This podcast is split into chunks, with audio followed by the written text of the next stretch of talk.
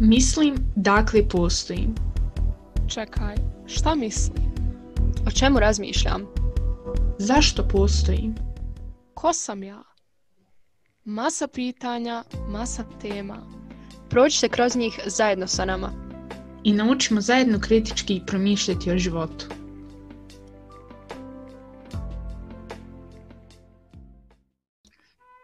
Ja sam Hanna. Ja sam Iman. A ja sam Lana. A vi slušate naš podcast Mislim dakle postojim.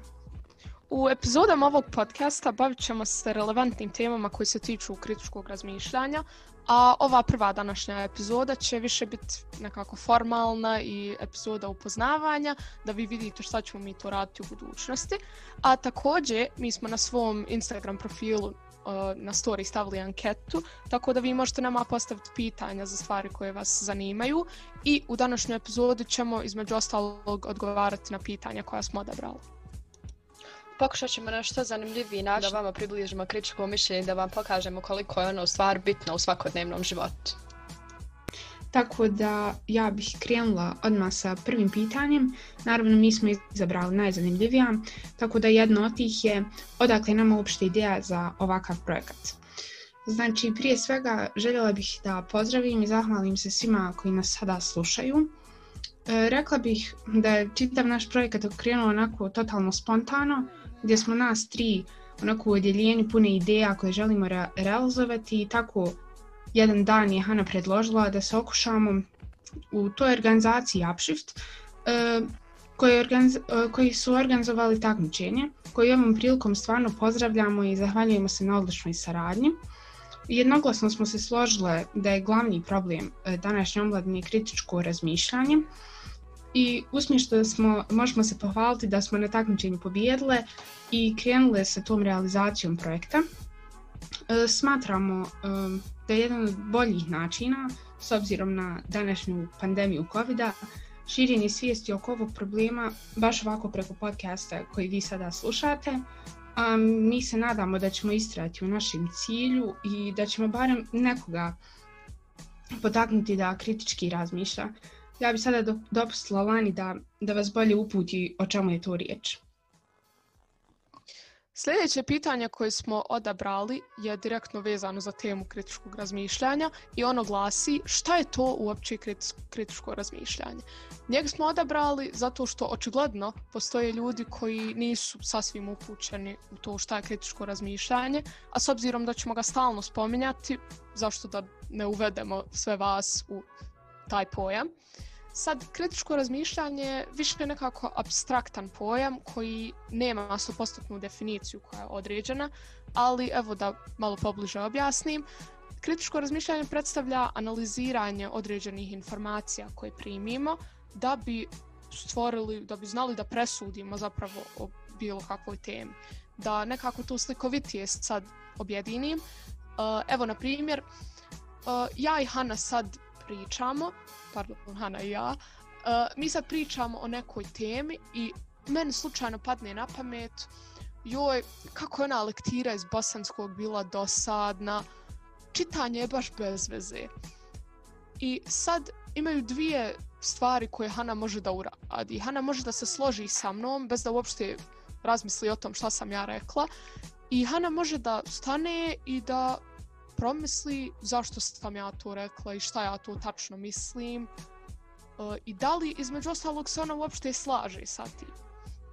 Dakle, to bi bio određen primjer propagiranja kritičkog razmišljanja i nažalost kritičko razmišljanje nije nešto što je urođeno, to se uči, naravno nemaju svi ljudi iste sposobnosti, ali svi mogu naučiti s vremenom da kritički razmišljaju i to je stvarno jedna super stvar koja vam može puno pomoći u životu, dovesti do odličnih novih ideja, koje samo, samo je potrebno da se problem gleda iz drugih uglova da bi se takve ideje nove rodile.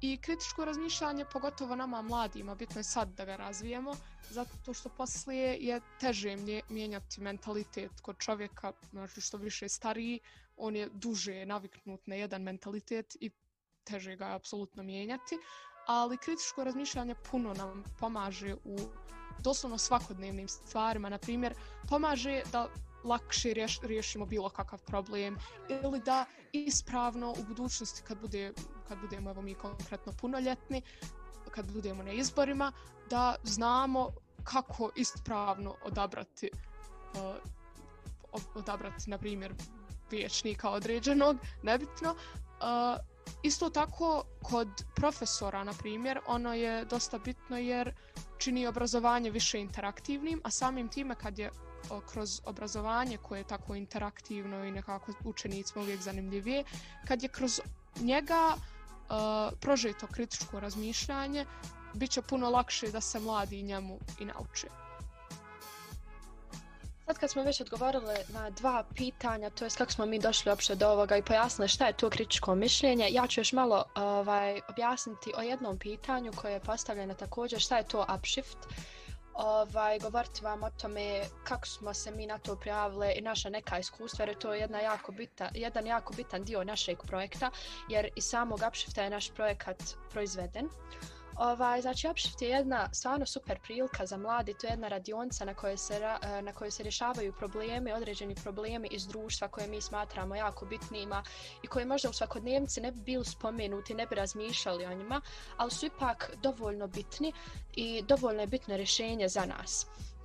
Tako da mi smo se prijavili sa konkretno problemom ovaj, nedostatka kritičkog mišljenja kod mladih ljudi i uh, kroz radionice kroz sedam dana radionic, radionica na e-upshiftu, to jest uh, online online fazonu upshifta zato što zbog ove pandemije nismo mogli uživo, nažalost. Radili smo sa našim mentorima i sa našim uh, trenerima i organizatorima da riješimo ovaj problem i da nađemo najbolja rješenja koja bi mogla ovaj, koja bi jako dobro uticala na mlade ljude, jer mi mislimo da je jako bitno da se naš glas čuje i da uradimo nešto ako želimo neku promjenu, jer ako mi budemo samo sjedili i ne radimo ništa, kako ćemo onda očekivati da se nešto promijeni? Bilo je još puno ekipa koji su imali stvarno super, ovaj, super neke probleme, u stvari prijavili neke probleme koje bi mogli imati super rješenja i super uticati. Ovaj, I ostavit ćemo još nek, ostavit ćemo stranicu, link stranice i link njihovog Instagrama u opisu opisu podcasta da i to možete pogledati. Posljednje pitanje koje smo zapravo odabrali je direktno vezano za sadržaj koji će se odvijati u našim sljedećim epizodama. I sad, kao što vidite, kao što sam ja već spomenula, ova današnja epizoda je nekako više, e, malo, malo je možda i dosadna, i teorijski nekako orijentisana, jer ipak upućujemo vas u stvari, ali želimo da znate da sljedeća epizoda neće biti ovakvog karaktera, ni pošto, već više će imati nekako uh, opušten i razgovoran karakter, gdje ćemo se jednako svi uključivati vezano za određene teme, a također bitno je da znate kakve, uh, kakve stvari ćemo obrađivati u uh, budućim tim epizodama, tako da e, u suštini mi smo planirali da uh, obrađujemo određene serije, filmove, knjige, pjesme i bilo što što može da ima temu koja je na bilo kakav način vezana za zapravo naše to kritičko razmišljanje i želimo da kroz analizu tih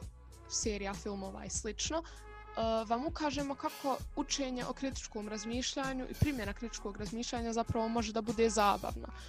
Isto tako, uh, ako budemo u mogućnosti, dovodit ćemo i određene goste koji će vam iz svojih uglova objasniti kako je to kritičko razmišljanje primjenjivo u njihovim zanimanjima. A ja bih htjela da dodam da se osjećate totalno slobodno da nam se obratite pomoć našeg Instagram naloga mislim donja crta net, a mi ćemo naravno ostaviti naš Gmail e, u opisu podcasta. Tu nam možete vi davati neke vaše ideje i prijedloge za naše nove epizode, tako da zapretite nas i budite obavješteni o izlasku naših novih epizoda. A ja se nadam da vas je ovo sve zainteresovalo. I nadamo se da se čujemo ponovo u sljedećoj epizodi našeg podcasta. Mislim, dakle, postojim.